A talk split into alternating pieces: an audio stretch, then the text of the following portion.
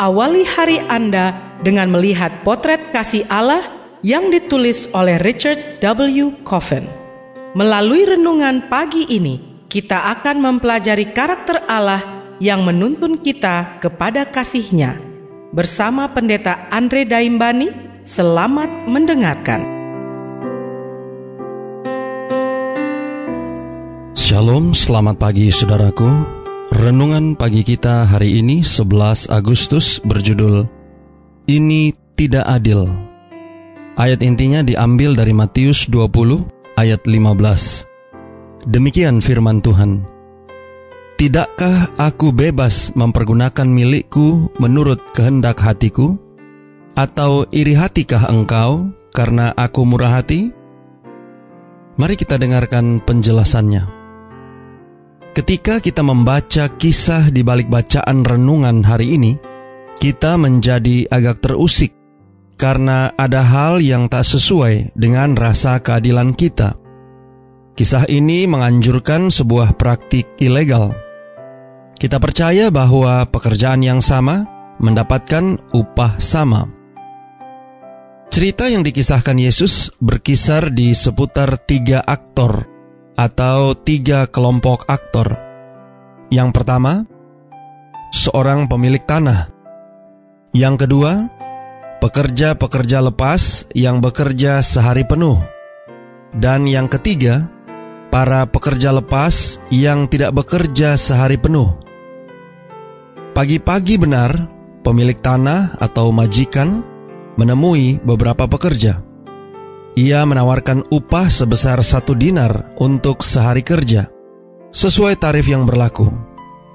Kemudian pada jam 9 pagi, ketika berada di pasar, ia menjumpai beberapa orang lainnya yang membutuhkan pekerjaan.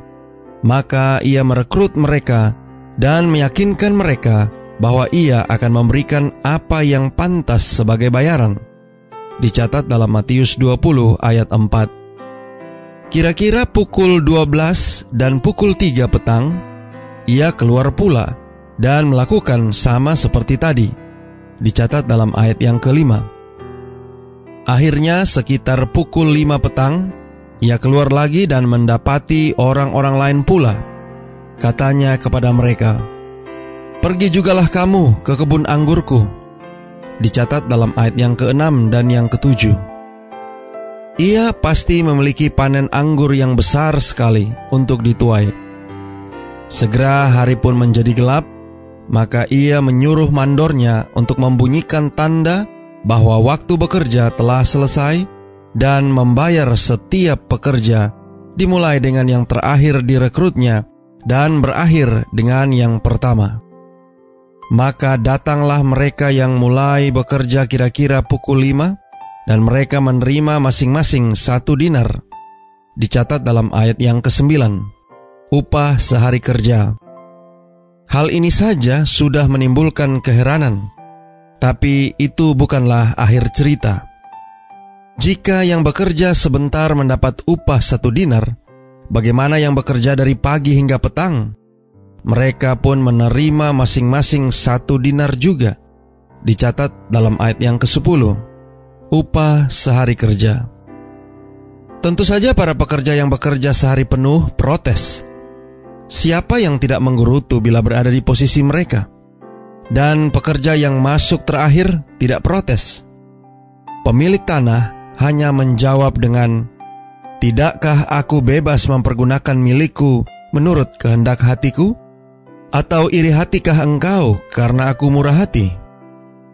Saudara-saudara yang kekasih di dalam Tuhan, di satu sisi saya berada di pihak mereka yang protes. Tetapi di sisi lain, diam-diam saya berharap menjadi salah satu dari mereka yang masuk kerja terakhir. Sungguh beruntung. Upah sehari kerja untuk beberapa jam kerja. Karena pemilik tanah di sini melambangkan Allah. Kita mengeluh bahwa Allah telah memperlakukan kita dengan tidak adil kita tidak layak masuk ke dalam kerajaan. Kita tidak pantas mendapatkan upah kekal kita. Perbuatan baik kita tidak membuat Allah berutang. Semuanya adalah karena anugerah. Dalam hal ini, masalahnya bukan keadilan, tapi kebaikan. Kebaikan Allah yang memungkinkan kita masuk surga. Doa kita hari ini. Bapa, terima kasih. Melalui renungan pagi ini, kami boleh diajarkan tentang satu hal yang penting sehubungan dengan kerajaan sorga. Terima kasih melalui renungan pagi ini, kami boleh mendapatkan pelajaran bahwa di dalam pemandangan Tuhan, hal kerajaan sorga adalah sama bagi setiap umat yang percaya. Tolong kami hari ini Bapa, biarlah dengan pertolongan kuasa roh kudusmu, kami boleh dituntun untuk boleh menerima hikmat kebijaksanaan sorga, untuk boleh memahami rencana Tuhan yang indah bagi kami masing-masing, untuk satu upah yang pasti, yaitu kerajaan sorga bagi kita semua yang diselamatkan. Terima kasih Bapa. Inilah doa dan permohonan kami kepadamu. Semoga Tuhan senantiasa memberkati kita sekalian sepanjang hari ini saat kita melakukan aktivitas kita masing-masing.